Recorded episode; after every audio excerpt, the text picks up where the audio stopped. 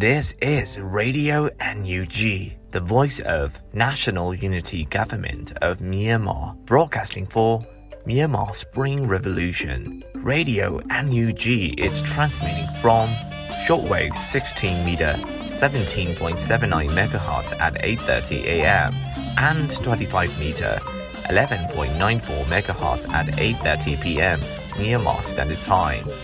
မင်္ဂလာပါခင်ဗျာ အမျိုးသားညီညွတ်ရေးအစိုးရရဲ့အတန်လွင့်ဌာန Radio NUG ကိုမနက်ပိုင်း၈နာရီခွဲမှာလိုင်းတို16မီတာစက္ကန့်တက်သမ9 MHz ညပိုင်း၈နာရီခွဲမှာလိုင်းတို25မီတာ17တက်သမ6 MHz တို့မှာဓာတ်ရိုက်ဖမ်းယူနိုင်နိုင်ပါပြီမင်္ဂလာအပေါင်းနဲ့ပြည့်စုံကြပါစေအခုချိန်ကစပြီး Radio NUG အစီအစဉ်တွေကိုဓာတ်ရိုက်အတန်လွှင့်ပေးနေပါပြီ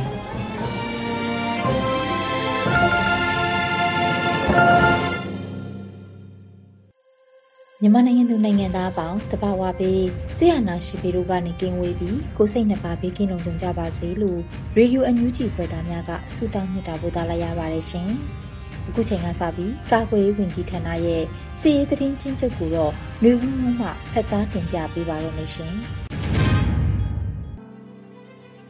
မင်္ဂလာပါခင်ဗျာ။အမျိုးသားညီညွတ်ရေးအစိုးရကာကွယ်ရေးဝန်ကြီးဌာနမှထုတ်ဝေသောနေ့စဉ်စီရေးသတင်းအကျဉ်းချုပ်များကိုတင်ပြသွားပါမယ်။ အေးသတင်းများကိုမြေပြင်သတင်းတာဝန်ခံတွေနဲ့ခိုင်လုံသောမိဖက်သတင်းရှင်းမြစ်တွေမှဖော်ပြလာသောအချက်အလက်များပေါ်အခြေခံပြုစုထားခြင်းဖြစ်ပါတယ်ခင်ဗျာပထမဆုံးအနေနဲ့စစ်ကောင်စီနဲ့တိုက်ပွဲဖြစ်ပွားမှုများကိုတင်ပြသွားပါမယ်မန္တလေးတိုင်းတွင်အောက်တိုဘာ10ရက်နေ့ကမြင်းချံမြို့နယ်ပြိုးကံရွာနှင့်ရွာတစ်ရွာကြားရှိ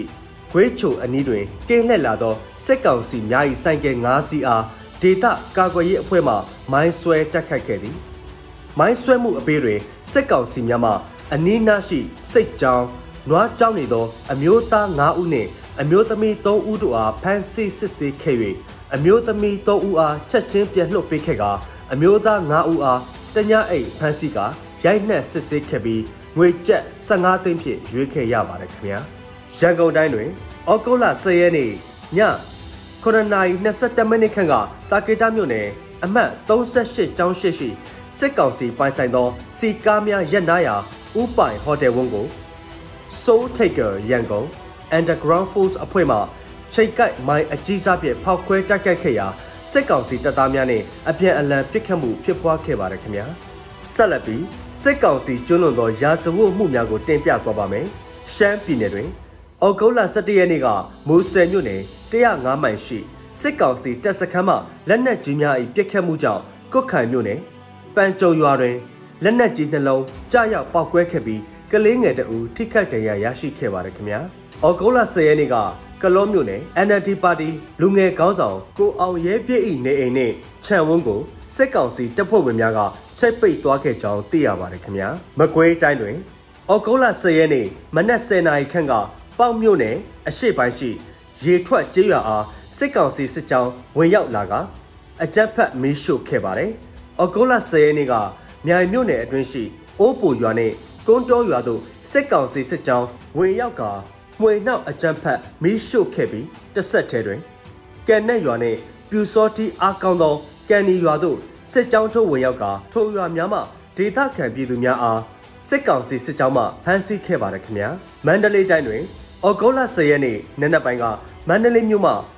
မော်တော်ဆက်လေဖြင့်ဈေးဝယ်ပြန်လာခဲ့သောခက်သိန်းရွာမှ ရွာသား9ဦးအားစစ်ကောင်စီများမှလက်ပြန်ကျွတ်တုပ်၍ဖမ်းဆီးသွားပြီးပါလာသောပစ္စည်းများနဲ့မော်တော်ဆက်လီကိုပါတင်ဆက်သွားခဲ့ကြောင်းသိရပါတယ်ခင်ဗျာရန်ကုန်တိုင်းတွင်အော်ဂိုလာ17ရက်နေ့မနက်10:15မိနစ်ခန့်ကလှိုင်သာယာမြို့နယ်ရွှေအုတ်ကန်ရက်ကွက် NLD ပါတီဝင်တအူးဤနေအိမ်ကိုစစ်ကောင်စီအဖွဲ့ဝင်များမှဝင်ရောက်ဖမ်းဆီးခဲ့ရာရှာဖွေသူကိုမတွေ့သောကြောင့်ဖခင်နဲ့မိခင်ဖြစ်သူတို့ကိုဖမ်းဆီးခဲ့ပြီးနေအိမ်ကိုချိတ်ပိတ်ခဲ့ပါတယ်ခင်ဗျာအော်ဂိုလာ10ရက်နေ့ မနက်9:10မိနစ်ခန့်ကကြောက်တရားမြို့နယ်38လမ်းအောက်ဘလောက်ဓမယုံနှင့်ဗလီကြားရှိတတ်တိုက်မှပြည်သူတအုပ်ကိုစစ်ကောင်စီအဖွဲ့ဝင်များမှဖမ်းဆီးသွားခဲ့ပါတယ်ခင်ဗျာဟုတ်ကဲ့ပါအခုတင်ပြခဲ့တာကတော့အမျိုးသားညီညွတ်ရေးအစိုးရကာကွယ်ရေးဝန်ကြီးဌာနမှထုတ်ဝေသော နေ့စဉ်စီးရေးသတင်းအကျဉ်းချုပ်များပဲဖြစ်ပါတယ်ခင်ဗျာကျွန်တော်ຫນွေဦးမိုးပါ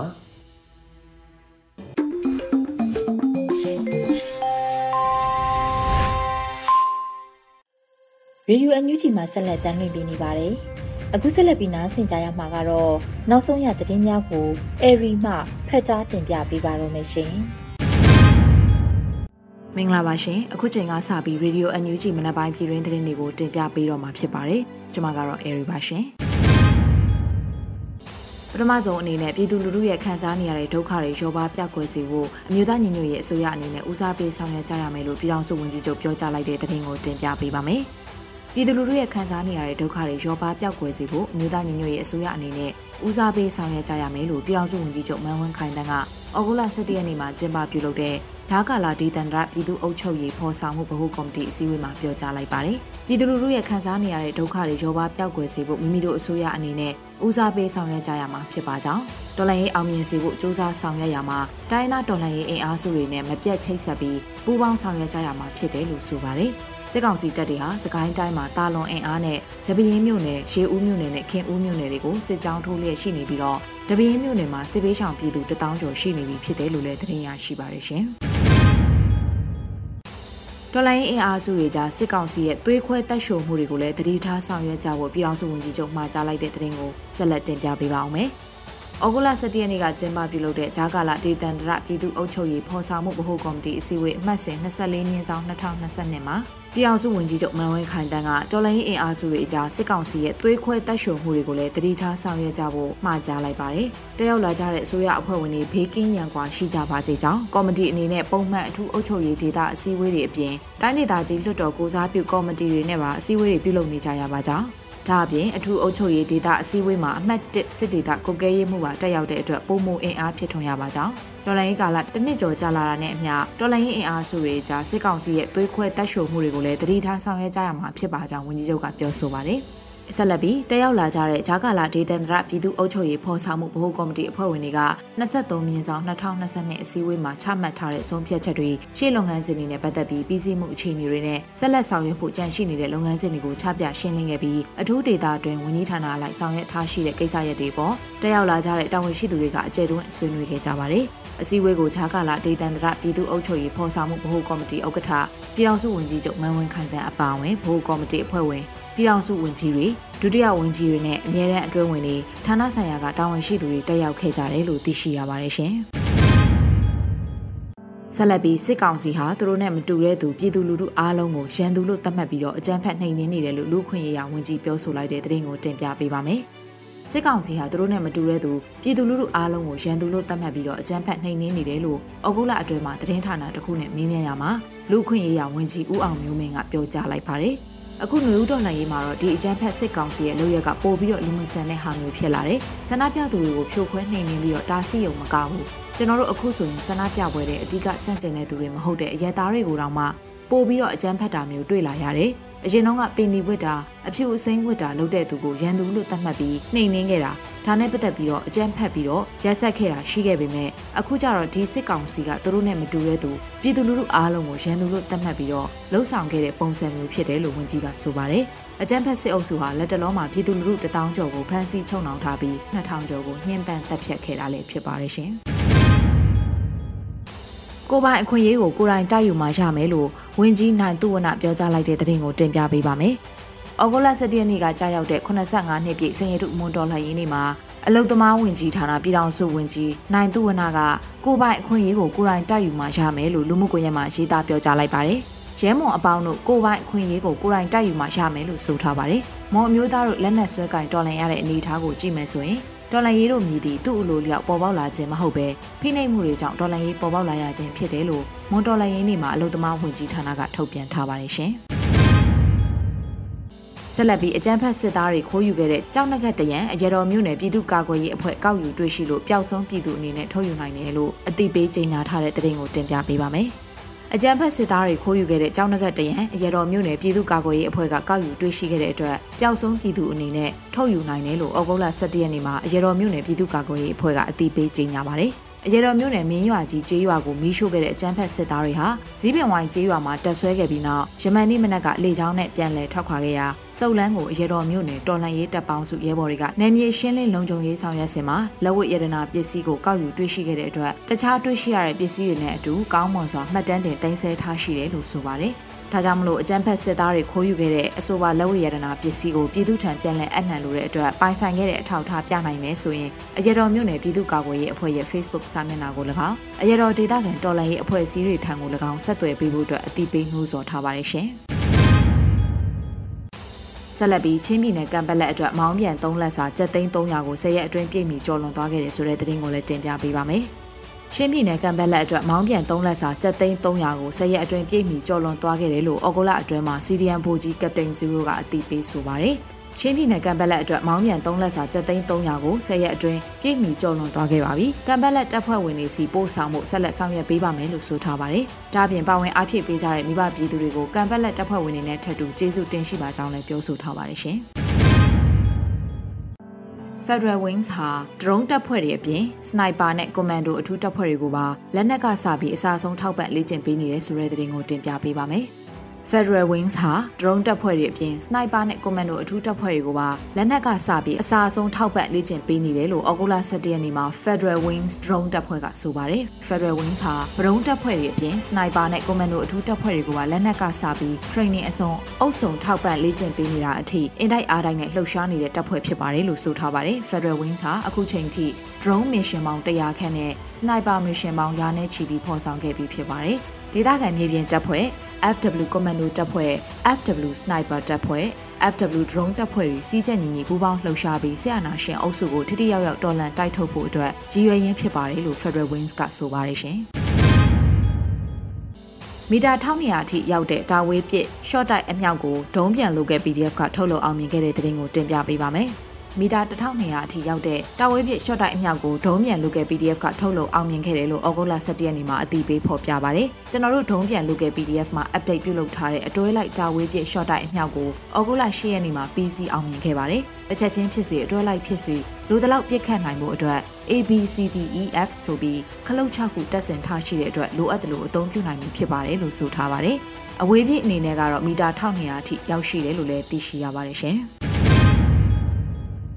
ဆက်လက်ပြီး TBC Diesel People Cameras မှာ AK တနက်တလက်လက်ဝယ်ပိုင်ဆိုင်ရရှိပြီဆိုတဲ့သတင်းကိုတင်ပြပေးပါမယ်။ TPC Diesel People Cameras က AK တနက်တလက်လက်ဝယ်ပိုင်ဆိုင်ရရှိခဲ့ပြီဖြစ်ကြောင်းကိုဩဂုတ်လ17ရက်နေ့မှာအသိပေးထုတ်ပြန်ပါတယ်။ဂျပန်ရောက်ရွှေမြန်မာတွေက AK တလက်ထောက်ပံ့မှုအတွက်ကျေးဇူးအထူးတင်ပါတယ်ဗျလို့ဆိုထားပါတယ်။ TPC Diesel People Cameras ဟာပြီးခဲ့တဲ့ရက်ပိုင်းအတွင်းဒဇယ်မြို့နယ်အတွင်းစစ်စင်ရေးဆင်နွှဲရမှာစစ်ကောင်စီတပ်တွေထံက G3 ငါလက် G4 တက်လက်တင်စီရမိခဲ့တယ်လို့လည်းသိရှိရပါတယ်ရှင်။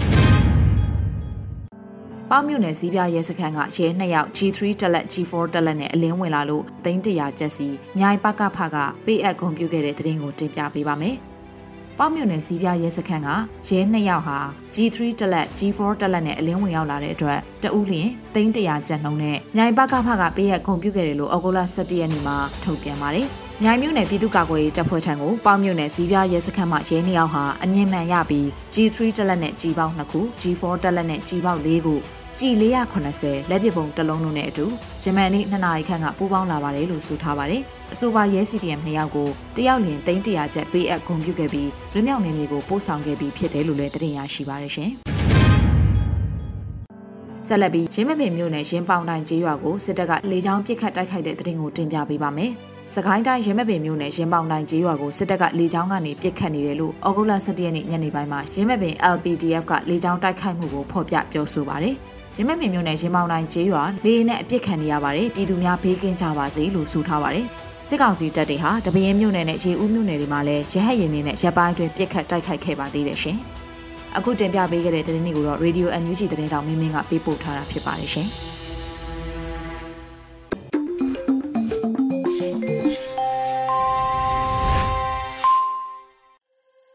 ရေဒီယိုအန်ယူဂျီရဲ့မနက်ခင်းစီစဉ်တွေကိုဆက်လက်တင်ပြနေပါတယ်။အခုတခါ ပြည်သူခုခံစစ်တရင်များကိုနှွေဦးလင်းအိမ်မှဖတ်ကြားတင်ပြပေးပါတော့မရှင်ပထမဆုံးအနေနဲ့မန္တလေးတွင်လုံခြုံရေးဘဏ်ကာကိုဘုံနဲ့တိုက်ခိုက်မှုမှာစစ်သားနဲ့ရဲတန်းရရတဲ့တဲ့ရင်ကိုတင်ဆက်ပေးပါမယ်။ မန္တလေးမြို့မဟာအောင်မြေမြို့နယ်တဟတ်တော်ဖျားဝင်းမှာတက်ဆွဲထားတဲ့စစ်ကောင်စီတပ်ရဲ့လုံခြုံရေးဘဏ်ကာကိုဒီနေ့မနက်၈နာရီခွဲဝန်းကျင်အချိန်မှာလက်ပစ်ဗုံးနဲ့ပစ်ခတ်တိုက်ခိုက်တာကြောင့်စစ်ကောင်စီတပ်ဖွဲ့ဝင်2ဦးဒဏ်ရာရရှိကြောင်းသတင်းရရှိပါရယ်။လာဒူရန်ကုန်မြို့မှာလည်းပောက်ကွဲမှုတွေအပြန်အလှန်ပစ်ခတ်မှုတွေဖြစ်ပေါ်ခဲ့ပြီးတာကေတမှာရှိတဲ့ဥပိုင်ဟိုတယ်ဝင်းအတွင်းစစ်တပ်ပိုင်းစီကားတွေရန်နာရနေရာကိုချင်းကိုင်ပုံးနဲ့ဖောက်ခွဲတိုက်ခိုက်ခံခဲ့ရကြောင်းဒေသခံသတင်းရင်းမြစ်များထံမှသိရပါဗျ။ ဆက်လက်တင်ဆက်ပေးမှာကတော့စကိုင်းမုံရွာလမ်းပိုင်းမှာစစ်တပ်အရာရှိကားတစ်စီးနဲ့လေရင်စီထောက်ဖို့ကားတစ်စီးဖောက်ခွဲတိုက်ခိုက်ခံရပြီးစစ်သား2ဦးသေဆုံးတဲ့တဲ့မှာစကိုင်းမမုံရွာဘက်သို့တက်လာတဲ့စစ်တပ်အရာရှိကိုယ်တိုင်နဲ့လေရင်စီတွေတင်ဆောင်လာတဲ့စစ်တပ်ထောက်ပို့ကားကိုဒေသခံကာကွယ်ရေးတပ်ဖွဲ့တွေကဩဂုတ်လ10ရက်နေ့မှာနှစ်ကြိမ်မိုင်းဆွဲတိုက်ခိုက်ခဲ့ပြီးစစ်သား2ဦးသေဆုံးခဲ့ကြောင်းမုံညို Revolution Force MNRF တပ်ဖွဲ့ထံမှသိရပါဗျ။ ပထမအကြိမ်မိုင်းဆွဲတိုက်ခိုက်မှုကိုယနေ့ညနေ၄နာရီခန့်မှာကံပြားစရနဲ့ထီဆောင်အကြမှာစစ်အရာရှိစီးနင်းလာတဲ့ကိုပိုင်ကားတစ်စီးကိုမိုင်းငါလုံးနဲ့ဖောက်ခွဲတိုက်ခိုက်ခဲ့ခြင်းဖြစ်ကြောင်းသိရတာပါ။ဒုတိယကြိမ်တိုက်ခိုက်မှုကိုယနေ့ညနေ9:15မိနစ်ခန့်မှာကံပြားစရနဲ့ထီဆောင်အကြမှာလေရင်စီရီတင်ဆောင်လာတဲ့ထောက်ပို့ကားတစ်စီးကိုမိုင်းဆယ်လုံးနဲ့ထပ်မံဖောက်ခွဲတိုက်ခိုက်ခဲ့ခြင်းဖြစ်ကြောင်းသိရပါတယ်။နောက်ဆုံးအနေနဲ့ချောင်းဦးမှာစစ်တပ်စစ်ကြောင်းမိုင်းဆွဲခံရပြီး14ဦးသေဆုံးတဲ့တဲ့ရင်ကိုတင်ဆက်ပေးပါမယ်။ စကိုင်းတိုင်း6ဦးမြို့နယ်မှာယနေ့စစ်တပ်စစ်ကြောင်းမိုင်းဆွဲတိုက်ခိုက်ခံရပြီးစစ်သား14ဦးသေဆုံးကြောင်း6ဦးပြည်သူ့ကာကွယ်ရေးတပ်ဖွဲ့ CHU PDF ကသတင်းထုတ်ပြန်ပါတယ်။ဩဂုတ်လ10ရက်နေ့မနက်6:35မိနစ်အချိန်6ဦးမြို့ပြည်သူ့အားကစားကွင်းနဲ့ဆယ်မြောင်းရုံးတို့မှာတက်ဆွဲထားတဲ့အကြမ်းဖက်စစ်ကောင်စီတပ်ကတပ်များကဂျမားကားတစ်စီးနဲ့အင်အား30ဦးခန့်ချီလီအင်အား15ဦးစုစုပေါင်းအင်အား45ဦးခန့်နဲ့6ဦးမြို့မှခင်မွန်ကျေးရွာသို့မိုင်းရှင်းလင်းရေးထွက်ခွာလာရာ အောက်ချမ်းသာကျေးရွာနဲ့ခင်မွန်ကျေးရွာကြားမှာမိုင်းဆွဲတိုက်ခိုက်ခဲ့ကြောင်းသိရှိရပါတယ်။အဆိုပါစစ်ကြောင်းဟာခင်မွန်ကျေးရွာရှိအနောက်မြောက်တိုင်းစစ်ဌာနချုပ်စိုက်ပျိုးမွေးမြူရေးစခန်းချန်စီယိုအဆက်မှာထပ်မံမိုင်းဆွဲခံခဲ့ရရာစစ်သား14ဦးသေဆုံးပြီးထိခိုက်ဒဏ်ရာရရှိသူများပြားကြောင်းသိရှိရပါတယ်။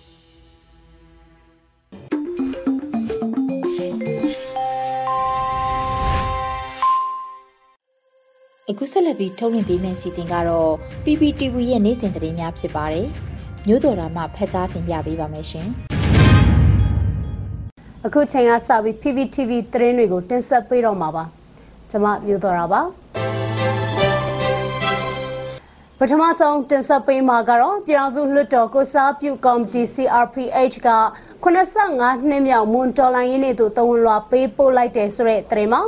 တဝင်လွာထဲမှာ CRPH အနေနဲ့မွန်တော်လိုင်းရေးကောင်းဆောင်တွေနဲ့တိုင်းရင်းသားတို့ရဲ့ဆန္ဒဖြစ်တဲ့စစ်မှန်သောငြိမ်းချမ်းရေးကိုရယူပြီးလွတ်လပ်ပြီးသားတူညီမျှတဲ့ပြည်အောင်စုကြီးတည်ဆောက်နိုင်ရေးတိုင်းရင်းသားညီနောင်တွေနဲ့အတူတကွလက်တွဲကြိုးပမ်းသွားမှာဖြစ်တယ်လို့ကတိပြုဖော်ပြထားပါတယ်။ဒါပြင် Federal Democracy နိုင်ငံတော်တည်တည်ဆောက်ရေးက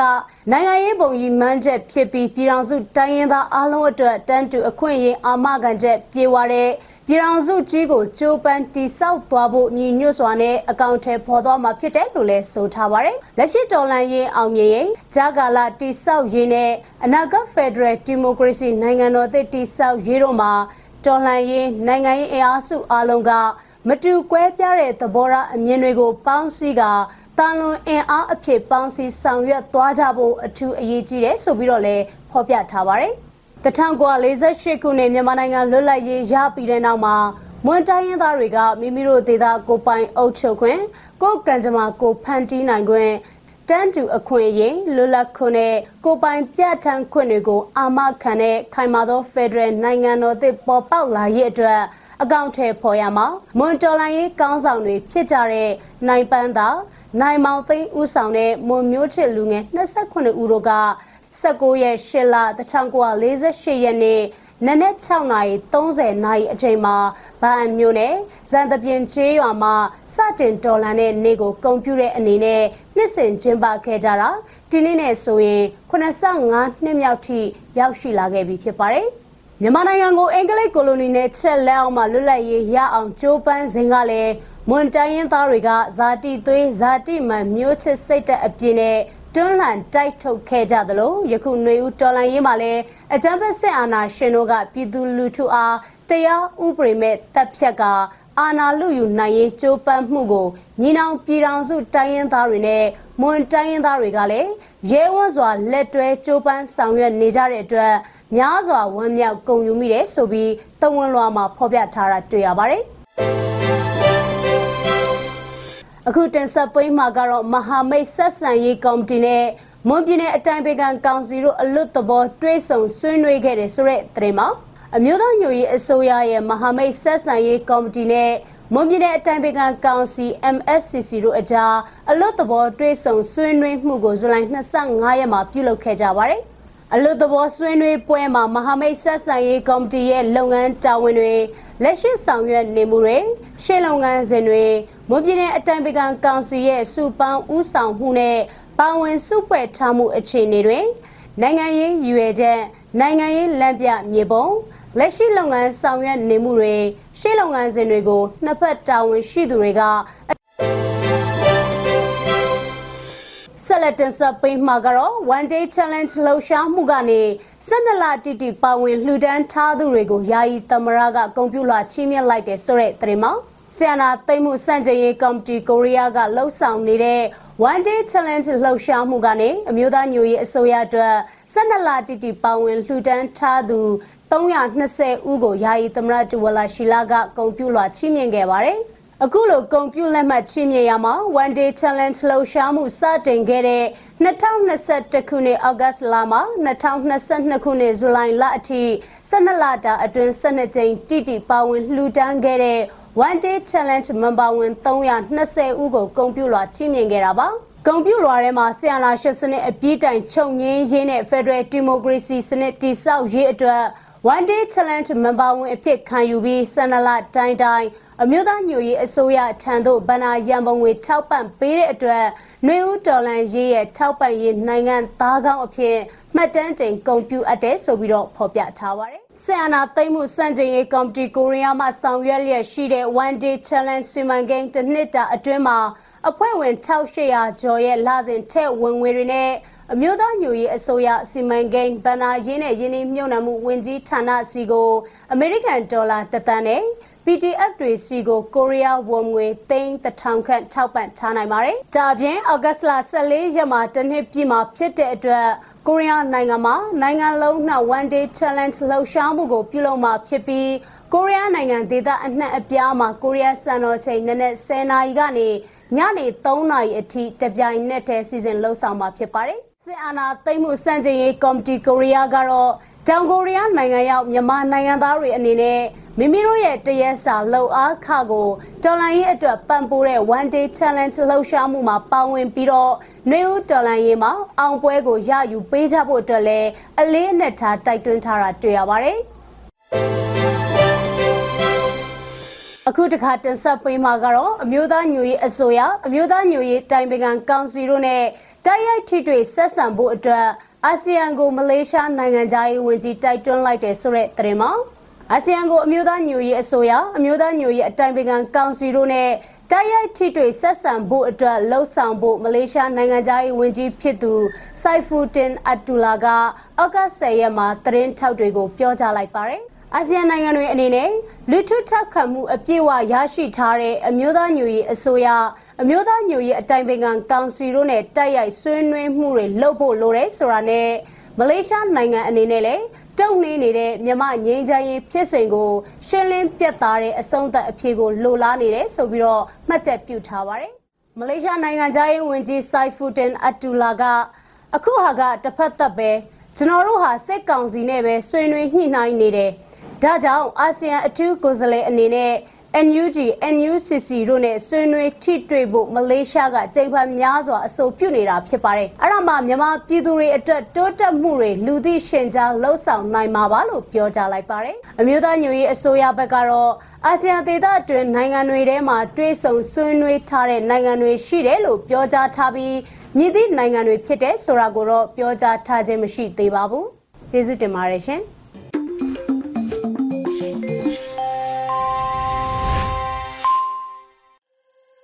ရေဒီယိုအန်ယူဂျီမှာဆက်လက်တင်ပြနေပါတယ်။အခုဆက်လက်ပြီး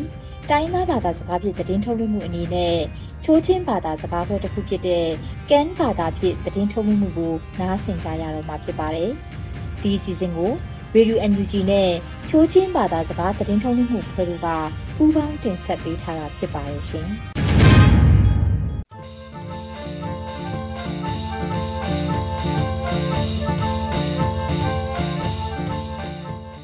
NUG ครกังเรดิโอนำงายาปงไงน้อยไปเกยนาปุยปอสักครั้งตูนำบันนำไรไปอตีละลำมาจึกละนำกดการตูกุกือเกยค่าทุทางการแทนอวยกุยเคสาละกะกะกืออลำมาจึกอ่อยทางกุมทองนี่กุมทองกุมนี่อกกาสนิชราเนือปะอินเดียออนวักคอยอันนลักรีคอซาคุยารายกับเทตูออน CNDF PDF Zolian CTM Siyin on MEDF Pinam Rai Kap tu Boku en Amka Kronaka tu pum hu chi we myo pai ma ma la Rai Kap the panga CN adamada anui la lem bai kti la CNO CNDF tu an ta ko ku akhaso oi tuk anaka ปีนำรายกับอปุมเลมกตีละอยากลอมคืออาคาโซคนะกุมทองนี่กุมทองกุมนี่โอกาสนินชาเนปารายกับเทตูอนปีนำรายกับตูกับกรูเอ็นหินล้อมขอสายนุตาอปุมชีเอ็นต้องปาอปุมเลมกตีละตะชินจานเอ็นเตคือตูมงอยรายกับเทตูอนปีนำรายกับตู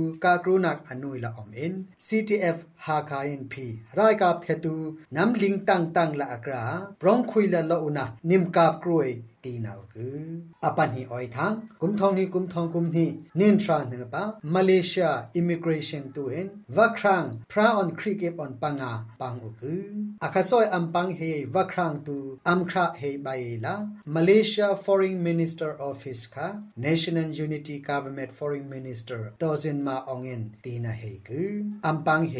วักครั้งตูอายังลาอัมคราบายเฮลา NUG อสุย foreign minister ดอซินมาองเงิน ตกเฮกุมาเลเซียรัมคารายกับเทอโซยาเองุมปุยเอ็น NUG อโซยารัมเปิงเปิงเอ็นองุมปุยเยลาฐานะเปิงเออโซยาอปุมละกระกุ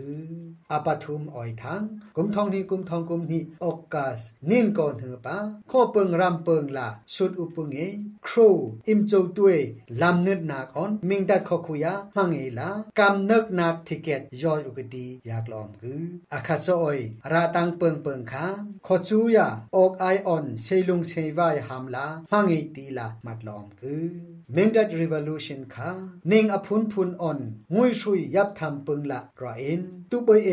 กำอมทิเกตคาย่อยนักวางออนเลนักวางอ่ะนันบอมอุเกตีลาอยากลอมกือ first หุปึงคาดอลลาร์งาทอง second หุปึงคาดอลลาร์ตุงทองดัดหุปึงคาดอลลาร์เนทองอนุคึงดอลลาร์พระลีอ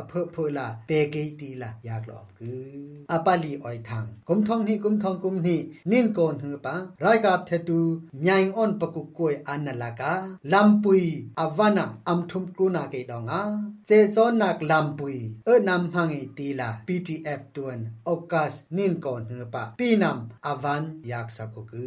จอมุยลาไรริงนักกัมเปเฮเตปึงอวังตูโมโตกาออนจิตจอนแวงอุกตีลายากลอมกือไรริงนักกัมเปกเฮยเพยอะออยเอง่ายอุปงตูคากระลอปึงเอกัมอมกัมเทนักอันนี้อเทเปิงเปิงคาเกยมิปีนำไรกับตวนเอกัมมานายนิตีลาอยากลอมคืออปังอาออยทังกุมทองนี่กุมทองกุมนี่นิริเนือปะยังปีนำไรกับตัวตุยตึงลำนึดนักออนปีนำไรกับปัชาบอกเวนไรกับเทตูออนอัมกากรูนากายังขปุยตวนมะขอซากรองอีเมออมอุปงปิวโซทีตูไรกับเทตูกัมลูชีเฮเอ็นกัมกับกตีลาตะกุกุ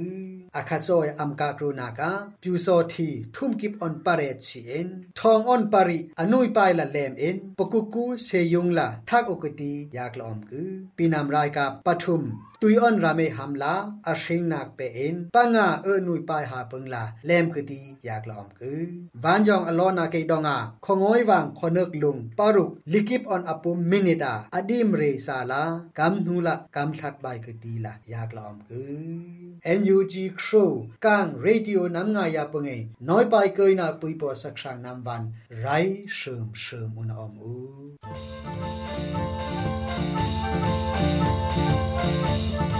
di ကနေ့ကတော့ဒီညနေပဲ Radio NUG ရဲ့အစည်းအဝေးကိုခਿੱတရရနိုင်ပါမယ် မြန်မာစံတော်ချိန်မနက်၈နာရီခွဲနဲ့ည၈နာရီခွဲအချိန်တွေမှာပြန်လည်ဆုံးဖြတ်ကြပါစို့ Radio NUG ကိုမနက်ပိုင်း၈နာရီခွဲမှာလိုင်းဒို16မီတာစက္ကန့်တသမ9 MHz ညပိုင်း၈နာရီခွဲမှာလိုင်းဒို25မီတာ17တသမ6 MHz တို့မှာဓာတ်ရိုက်ဖမ်းယူနားဆင်နိုင်ပါပြီမြန်မာနိုင်ငံသူနိုင်ငံသားများကိုယ်စိတ်နှပြကျန်းမာချမ်းသာလို့ဘေးကင်းလုံခြုံကြပါစေလို့ Radio NUG အဖွဲ့သူအဖွဲ့သားများကဆုတောင်းလိုက်ရပါတယ်။အမျိုးသားညီညွတ်ရေးအစိုးရရဲ့စက်သွေးရေးသတင်းအချက်အလက်နဲ့ဤပညာဝန်ကြီးဌာနကထုတ်လွှင့်နေတဲ့ Radio NUG ဖြစ်ပါတယ်။ San Francisco Bay Area အခြေစိုက်မြန်မာမိသားစုများနဲ့နိုင်ငံတကာကစေတနာရှင်များလှုပ်အားပေးများရဲ့ Radio NUG ဖြစ်ပါတယ်